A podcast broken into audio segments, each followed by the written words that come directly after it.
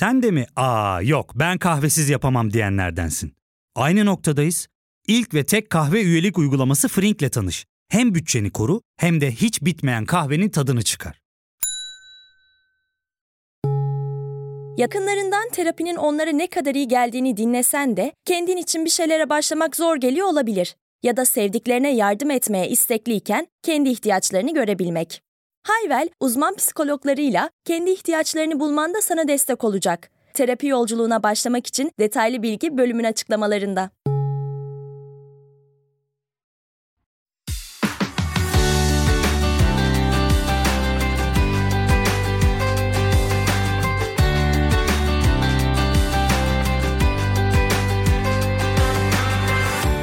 Merhabalar Trend Topi'nin yeni bölümüyle karşınızdayız. Bu hafta bu Libya, Doğu Akdeniz meselesinde ne oluyor, ne bitiyor onu biraz ele almaya çalışacağız. Şimdi Arap Baharı'ndan etkilenen ülkelerden bir tanesi de Libya oldu. Libya'nın diktatörü Kaddafi devrildi fakat daha sonra ülke bir kaosa sürüklendi. Zaten e, nüfus yapısı, popülasyonu ve siyasi yapısı pek de diğer Arap ülkeleri gibi olmayan Libya tamamıyla bir failed state yani çökmüş bir devlet izlenimi vermeye başladı ve iç savaşa sürüklendi. Şimdi yıllardır süren bir iç savaş var ve bu iç savaşın bir tarafından da aslında tabiri caizse Türkiye'de tuttu. Öne çıkan bütün bu iç savaşta iki lider oldu. Birisi Haftar. E, Haftar'ı Rusya, Mısır ve Arap Emirlikleri destekliyor. Öbür tarafta da Sarraj. Sarraj Birleşmiş Milletler tarafından destekleniyor. Birleşmiş Milletler tarafından daha doğrusu meşru lider olarak görülüyor. Arkasında Türkiye var. En son Amerika Birleşik Devletleri de ağırlığını Sarraj'ın arkasına koydu ve Sarraj kuvvetlerine askeri destek vereceğini de söyledi. Bu da e, yeni gelişmelerden bir tanesi. Haftar 14 ay savaşarak Libya'nın başkenti Trablus'u ele geçirmeye çalıştı.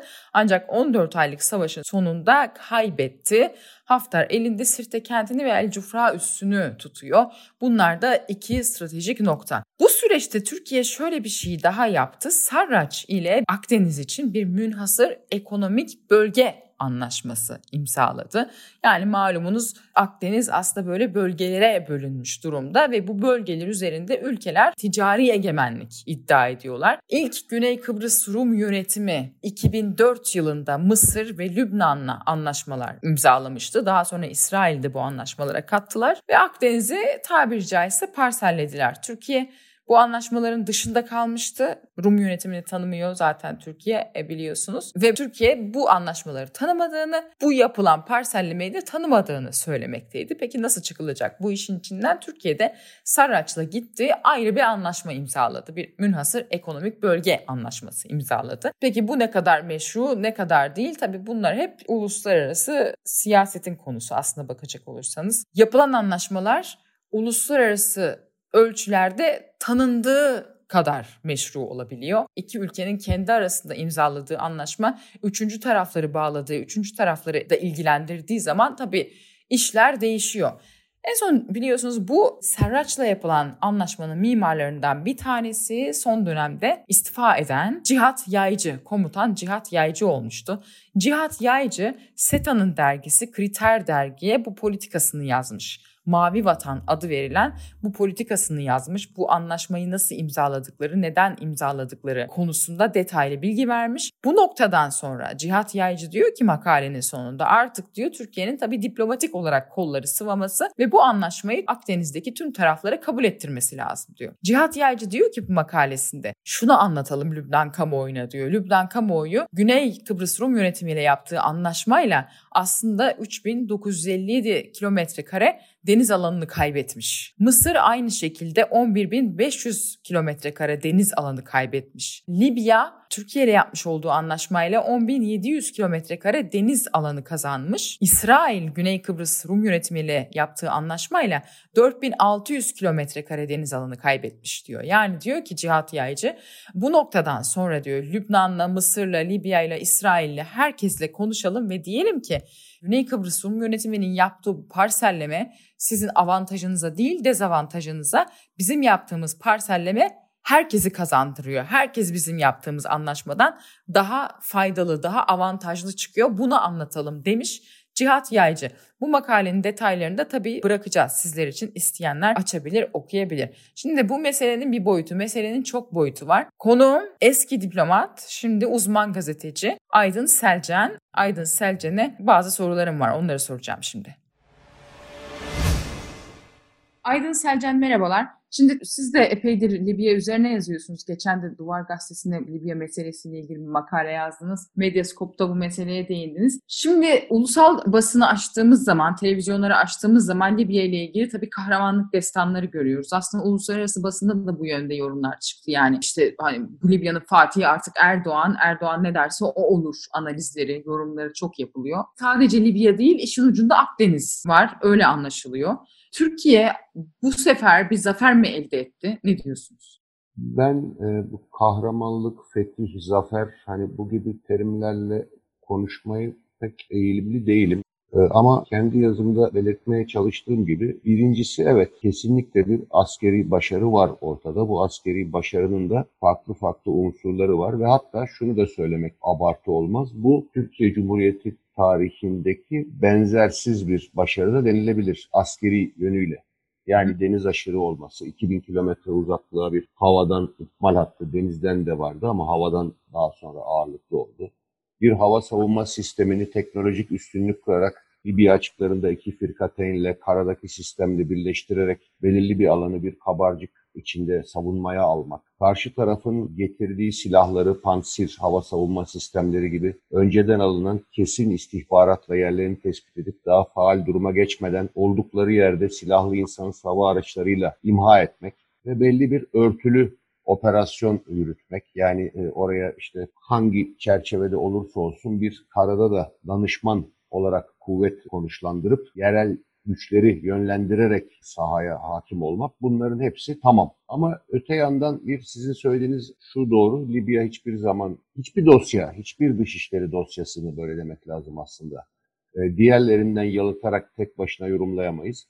Libya deyince akla hem ABD-Rusya çekişmesi gelmeli. Libya deyince akla işte Magreb, Maşrek, Cezayir, Mısır gelmeli. Bir yandan Birleşik Arap Emirlikleri Suudi Arabistan üzerinden Türkiye'nin geniş Arap dünyası ile ilişkileri gelmeli.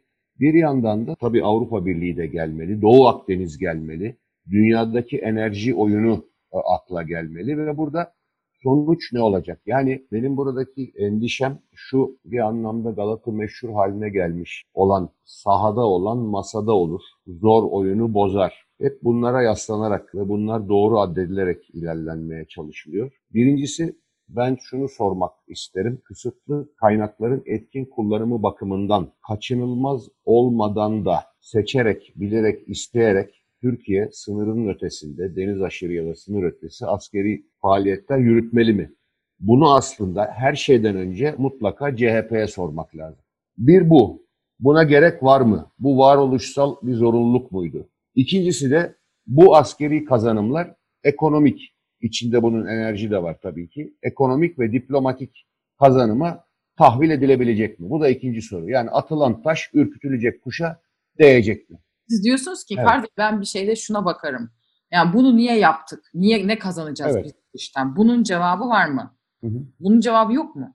Valla bunun yani sorulduğunda eğer lütfedip yazımda da onu belirtmeye çalıştım. Çünkü pek soru yanıtlamak üzerine kurulu bir iletişim stratejisi yok diyebilirim Beştepe'nin ve bu da çekingen bir tanım olur zaten. Utangaç bir tanım olur ama e, herhalde gerçeklerden uzağa düşmez. Dolayısıyla bu soruları sorup duvara bağırıyoruz. Duvardan gelen yankı olursa ona göre yorum yapıyoruz. Sorular şunlar. Sizin de işte e, atıfta bulunduğunuz yazımda da kayıtlı bunlar. Yani biz Müslüman kardeşleri ayakta tutmak, Mısır'daki yenilgisini Müslüman kardeşlerin Libya'da geri çevirmek için mi oradayız? Hayır petrol sahalarından pay için mi? Hayır e, var olan petrol sahalarından değil de denizde verilecek olan arama ruhsatlarıyla denizde petrol veya doğalgaz bulmak üzere mi oradayız? Hayır biz buraya bir neo-Osmanlıcı hayaller peşinde mi gittik? Hayır işte Afrika'nın fethi için mi buradan yola çıktık? Ya da Mısır'ın fethi için? Yahut Doğu Akdeniz'de işte bu malum onun mimarı olduğu iddia edilen Amiral Yaycı da gerçi görevden alındı ve istifa etti ama şu meşhur münhasır ekonomik bölge anlaşması için mi e, gittik? Bütün bu sorular havada asılı duruyor. Ben tam E bunların ikna bir yanıtını alamadım bilmiyorum. Bunların hepsi değil mi? Yani hem işte Sarraç Müslüman kardeşlere yakın. Bu dediğiniz gibi zaten Valla bunların hepsi yani o işte sizin söylediğiniz bir koyup üç alırız. Yani evet hem Neo Osmanlıcı hayalleri yerine getiririz. İçeride müthiş bir fütuhat zafer havası. Hem buraya ayak attığımız zaman Mısır'ın Sisi'nin rahatını kaçırırız ve o Müslüman kardeşlerin hala ayakta olduğunu öğrenir. Türkiye Afrika'ya adım at. Yani bunları şimdi alt alta say- sayarız o zaman ama e, bunların bir içeriği var mı? Kulağa hoş geliyor güzel ama içerik var mı ve zorunlu mu bunları yapmak? tatlı petrol var Libya'da. İlk bu işte Kaddafi rejimi devrilirken çok yazılıp çizilmişti. Hı hı. Bu tatlı petrol meselesi. İşte çok kolay işleniyor. Maliyeti az. Dolayısıyla çabuk işleniyor. Valla Çabuk Nevşin Hanım petrolün en tatlısı e, o anlamda tırnak içinde tatlı anlıyorum ben sizin teknik terim olarak kullandığınızı. E, petrolün en tatlısı şampanya denilen petrol Kerkük'te biliyorsunuz burnumuzun dibinde. Ve Irak Kürdistan bölgesindeki sahalarda da var.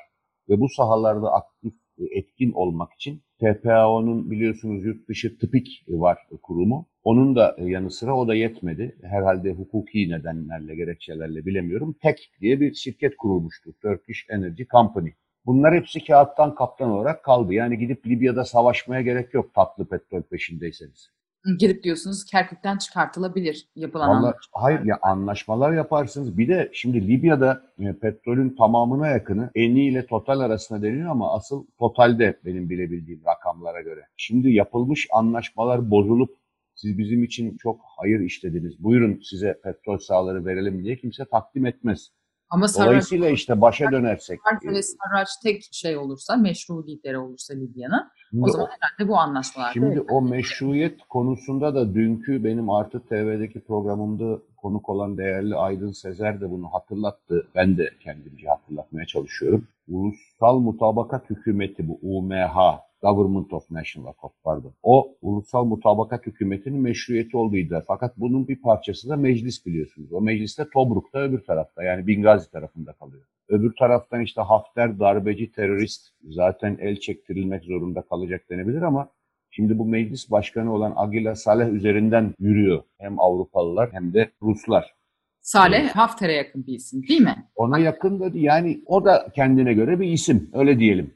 Hı hı. Zaten Libya dediğiniz yer işte 5-6 milyon nüfus ve bir aşiretler topluluğu. İşte deniz kenarında zaten şehirler. E eskiden beri de hepimiz yani tarihçi olmaya lüzum yok şunu biliyoruz ki işte Bingazi Barka tarafıyla Tripolitania, Trablusgarp tarafı yani orası o ülkenin ortasından aşağı yukarı bu Magreb Maşrek hattı geçiyor. Şimdi buradaki 5 artı 5 komitenin de kabul edilmesi hemen Putin-Erdoğan görüşmesinin arkasından bu 5 artı 5 yani iki taraftan 5'e 5 Hı hı. askeri komite e, herhalde bu çerçevede bir anlaşmaya varılacağını yani iki parçalı Libya. E şimdi bu kadar yaratıcıysa Türkiye o zaman diyelim ki yani iki parçalı Libya için mi orada bu kadar iş yapıldı?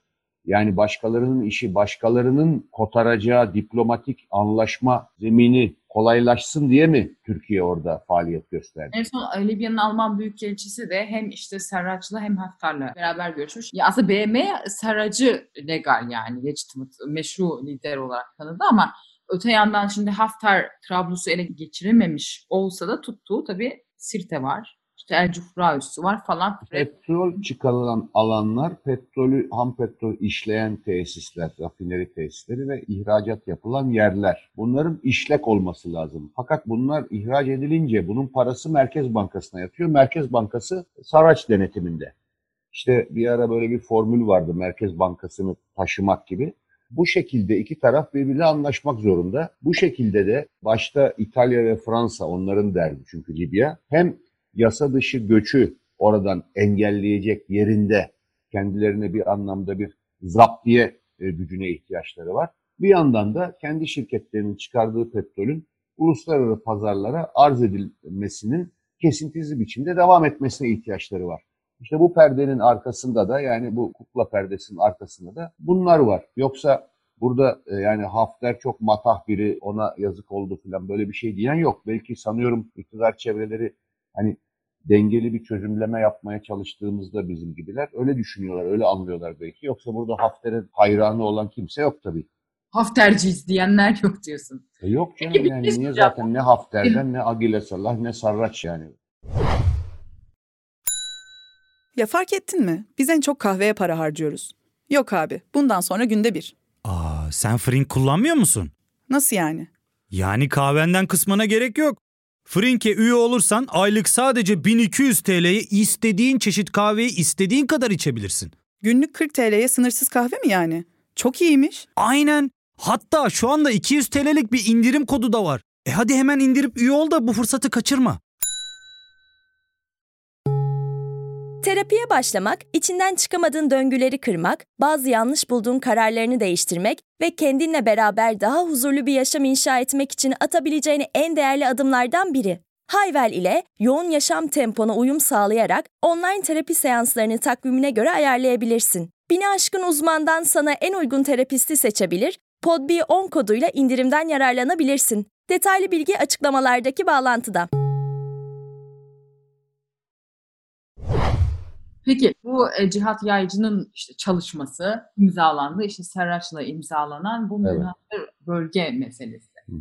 E, fakat o diplomatik olarak akıllıca bir hamle gibi görünüyor. Ne dersiniz? Valla işte Nevşin Hanım ya o diplomatik olarak akılcı hamle mi? Ben bir kere bu konuların uzmanı değilim. Hasbelkader bir 20 yıl yaptığım meslekte de pek böyle legalist olmadım. Daha ziyade ayağa toprağa basan hani yüz yüze konuşmalı, itişli kakışlı dosyaları tercih ettim. Bu diğer dosyaları küçümsemek anlamına gelmez. Herkesin bir eğilimi, becerebildiği, yapabildiği, başarılı olduğu alan vardır. Şimdi burada bir deniz hukuku yani meşru hükümette hukuka dayalı anlaşma. Bir kere bu bizim Ege Kıbrıs'taki tezlerimize uyuyor mu? Çünkü Ege'de dediğimiz biliyorsunuz deniz hukuku anlaşmasına taraf değiliz. Burada da hukuk e, uygulanamaz. Ki doğru bunlar gerçekten. Yani herhangi biri açıp da haritayı bakarsa Ege'ye işte üzerine bir sürü ada serpiştirilmiş. Küçücük bir deniz. Bir tarafında Yunanistan, bir tarafında Türkiye ki bunlar ikisi de birbirleriyle savaşarak kurmuşlar ülkelerini birbirlerine karşı. Böyle bir kendine özgü durum var. Buraya getirip deniz, yani bu olacak şey değil. Yani bu iki tarafın oturup ya biz bunu nasıl yapalım, yarı yarıya yapalım biz bunu diye yani bir uzlaşıya varmaları lazım. Kıbrıs için apayrı bir durum. Tabii Kıbrıs'ta 2004'te AB büyük bir stratejik körlükle adanın yarısında olan Güney Kıbrıs yönetimini tüm adayı temsilen Kıbrıs Cumhuriyeti diye kabul edince orada denge bozuldu tabii.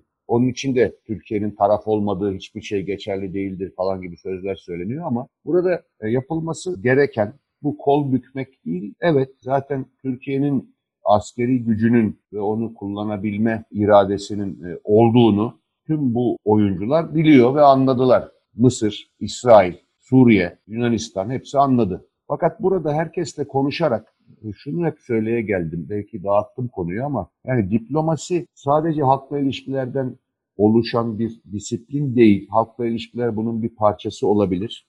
İkincisi tribünlere oynayarak, ekmeğini yiyerek bir taraftan siyasi ekmeğini yiyerek diplomasi yapmak zor. Evet bugünün dünyasında genel olarak sadece Türkiye'de değil diplomasi bir numaralar arasında yürütülen, en tepeden yürütülen bir iş haline dönüşmüş olabilir ama yine de alttan alta sabırla, soğukkanlılıkla çalışmak gerektiren bir disiplindir.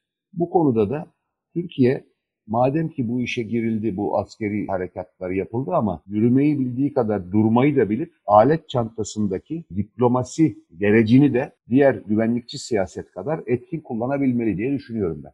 Şimdi en son işte İtalya ile Yunanistan da kendi aralarında bu sefer bir ayrı bir bölge anlaşması imzaladı. Peki bu tamamıyla Türkiye'nin Sarraç'la imzaladığı anlaşmaya cevaben diye mi okumak lazım? E sen. vallahi yani ikili ikili yapıyorsanız biz de ikili yapabiliriz. Sizinki ne kadar anlam ifade ederse bu da o kadar anlam ifade eder denilebilir yani. E, ama burada işte siz şimdi bakınız şimdi şu alınan üçtü, dördüncüsü de alınmak üzereydi. Alındı mı bilmiyorum. Bu sondaj gemileri. Bunlar Evet. çok pahalı yani gereçler diyeyim. Bunları almaya gerek yok. Bunu koca koca uluslararası petrol şirketleri dahi bunları kiralıyor. Ya bugünün dünyasında düşünün şirketler otomobil bile satın almıyor. Filo kiralama şirketleri bunun için var. Bunları alıp götürüp e, işte ben zorla Rodos açıklarında Girit, Libya buralarda şey yapacağım. Yani bunun bir anlamı yok. Kaldı ki bugünkü dünyadaki geçerli olan fiyatlarla da denizden petrol ya da gaz çıkarıp satabilmenin imkanı da yok. Çok Yani maliyetli. burada hayır şu sonuçta peki savaşacak mısınız gerçekten yani? Yani İtalya ile Yunanistan'la deniz savaşına mı girecek Türkiye? Bu iki ülkede NATO üyesi. Yani biraz akılcı olmak lazım. Tamam evet sade yumuşak güçle de olmaz ama tribünlere oynayarak da olmaz.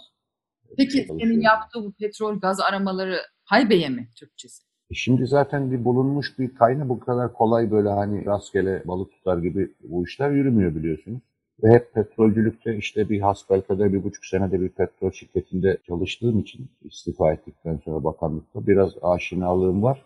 Hakikaten ne kadar elinizde sismik çalışma farklı ön bilgiler olsa da kuyuyu açmadan gerçekten ne çıkacağını bilmek kolay değil. Akdeniz'de meşhur Girit çukuru olduğu için çıksa bile orada hat döşenemiyor. Yok denizden çukura ya o Girit çukurunda zaten bir şey çıkmaz. Oradan boru hattı o derin sizin dediğiniz yani oradan boru hattı yani o şu konuda geçerliydi. İsrail'den Yunanistan'a boru hattı gitmez diye ki doğrudur bu. Şimdi burada petrolü çıkarttığınız yerde yine başa dönersek e, bunun kuyu başında bir fiyatı var. Mesela ne bileyim Kanada'nın kuzeyinde buzun altında çıkarıyorsanız petrolü hem olağanüstü zor şartlarda bir kamp kurmak zorundasınız. Olağanüstü zor şartlarda çok para harcayarak önce buzu sonra taşlaşmış toprağa delerek kim bilir işte ne kadar derinde petrolü bulacaksınız. Bu petrolün kalitesi düşük ve tazikle yukarı çıkmıyor. Ayrıca oraya tuzlu su basacaksınız ki o petrol dışarı çıksın. Ondan sonra çıkan petrolü oradan alıp kamyona mı koyacaksınız, boru hattına mı koyacaksınız neyse bir yere götüreceksiniz ki oradan artık satacaksınız. E şimdi sizin bu petrol fiyatlarıyla e siz zaten petrolü atıyorum 100 dolara mal ediyorsanız o zaman o kuyuyu açtıysanız eğer kapatıp bekleyeceksiniz zamanını. Sizin komşunuzda Irak var. Madem bu kadar cevval, cabbar bir şekilde bu işlere girişmek istiyorsunuz bunu yapın. Sonra Türkiye'nin üzerinden geçen e, bu Türk akımı, TANAP bunların hesabı kitabı yapılıyor mu? Yani Türkiye ne kazanıyor diye. Türkiye'nin üzerinden bütün petrol boru hatları ya da doğalgaz hatları Türkiye'den geçiyor. Bu hub olmak demek değil. Aynı şekilde yani etkin bir şekilde enerji politikası gidiyoruz deyince işte sağda solda gemi gezdirip e, onların yanına bir de onları korumak için firkateyn yüzdürüp bunun adına da mavi vatan deyip sanki bu mavi vatan sloganı ilan edilinceye kadar ben kendimi söylemiyorum ama bu kadar insan dış işlerinden bunun üzerine gerçekten doktora yaptılar. Yani bunlar gidip bunun doktorasını yaptılar. Ömrünü Ege konusunda, deniz konusuna geçti. Yani bu insanlar vatanı satıyor muydu? Affedersiniz açık sorayım. Dış işlerinde 40 küsur şehidi var.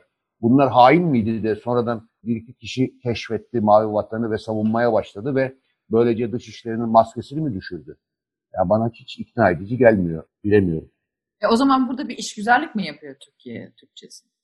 Valla yani bu, bu tür böyle hani küçümseyici, pejoratif sözcükler kullanmak istemem. Neyi neden yaptığını anlamlandırmaya çalışıyoruz. Dolayısıyla kulağa hoş geliyor, göze hoş geliyor, tribünler alkışlıyor. Öyle mi? Yoksa bu konularda bir takım işte askeri mahfiller irade ortaya koyuyor. Eski Türkiye'de tırnak içinde olduğu gibi siviller peşlerinden sürüklenmek durumunda mı kalıyor? Bütün bunları bilemiyorum. Hiçbir bilgim yok. Zaten Ankara'ya dahi gitmiyorum açıkçası. Bırakın içeriden bilgi almayı. Zaten genel olarak e, aslında böyle de bir şey var. Yani çok fazla şeffaflık yok ya. Yani şeffaflık şöyle yok. İşte bir takım gazetecilere sadece bilgi veriliyor aslında. Soru da sorulamıyor ya. Evet ee, bazen duyuyorum yani kulağıma geliyor. İbrahim Kalın böyle telekonferanslar falan yapıyormuş ama oralarda da ortam nasıl bilemiyorum. Soru kabul ediliyor mu edilmiyor mu? Kimler katılıyor? Yani bana bir Evet yani seçilen gazeteciler katılıyor falan filan. Onun için de hani Türkiye işte herhangi bir politikayı niçin izliyor, derinliği nedir, o su nedir, bu su nedir bununla ilgili şey e, yani genellikle böyle çok taraflı dediğim gibi soru alınmadığı için ya da en azından alınıyor olsa da kamuoyuyla paylaşılmadığı için bilinemiyor. Zaten onun için ben de biraz bu podcast'i yapacağım. E şirketler biliyorsunuz yani kendileri gönüllü olurlar, denetime girerler. Bu audit firmaları bunun için var. Bunlar hakikaten çok rahatsız edicidir özel şirketler için. Her işe burnunu sokar. Bütün defterleri ister. Her şeyi karıştırır. Personelle birebir söyleşi yapar. Onu yapar, bunu yapar. Çalışır aylarca. Nihayet bir rapor ortaya koyar. Ve notunu verir. Sağlık karnesini verir o şirketin. Şirket niye kendi kendine bu eziyete girer? Çünkü o notu aldığı zaman gidip göğsünü gererek kredi bulabilir. Veya daha iyi koşullarda da kredi bulabilir biliyorsunuz. Medyayla konuşmak, Mecliste bunun hesabını vermek, mecliste sigaya çekilmek, hesaba çekilmek, akademiya konunun uzmanlarıyla konuşmak, uluslararası toplantılarda tartışmak, diğer taraftan da kendi içinde de silolaşmış, birbiriyle konuşmayan kurumlar yerine işte ilgili kurumlar arasında Enerji Bakanlığı, tabii Dışişleri, Genel Kurmay, işte Deniz Kuvvetleri ne bileyim bütün bunlar, saray şimdiki sistemde onu da bir ayrıca katmakla, bütün bunların birbiriyle konuşuyor, o beraber çalışıyor olması lazım. Geçen gün bu eski CIA e, direktörüydü. Sonra e, hem Bush hem Obama döneminde savunma bakanlığı yaptı. Bob Gates'in bu son Foreign Affairs'de bir makalesi var. Onun içinde geçiyor. O hoşuma gitti. Amerikan gücünün tam senfonisi diye bir bölümden bahsederken öyle bir terim kullanmış. Bu başka bizim için de geçerli. Yani bir senfoni, kakafoni olarak değil, harmonik ve senfoni olarak çalışması lazım bunun ama bu benim dediğim e, hayal şu anda. Peki Aydın Selcan çok teşekkür ederim. Ben Yorum. teşekkür ederim. Sağ olun. Trend Topi'yi Podbi Medya ile birlikte hazırlıyoruz. Yeni bölümde görüşmek üzere.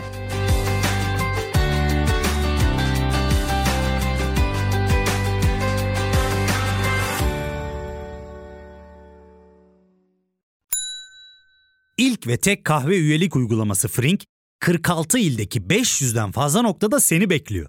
Açıklamadaki kodu girerek sana özel 200 TL'lik indirimden faydalanmayı unutma.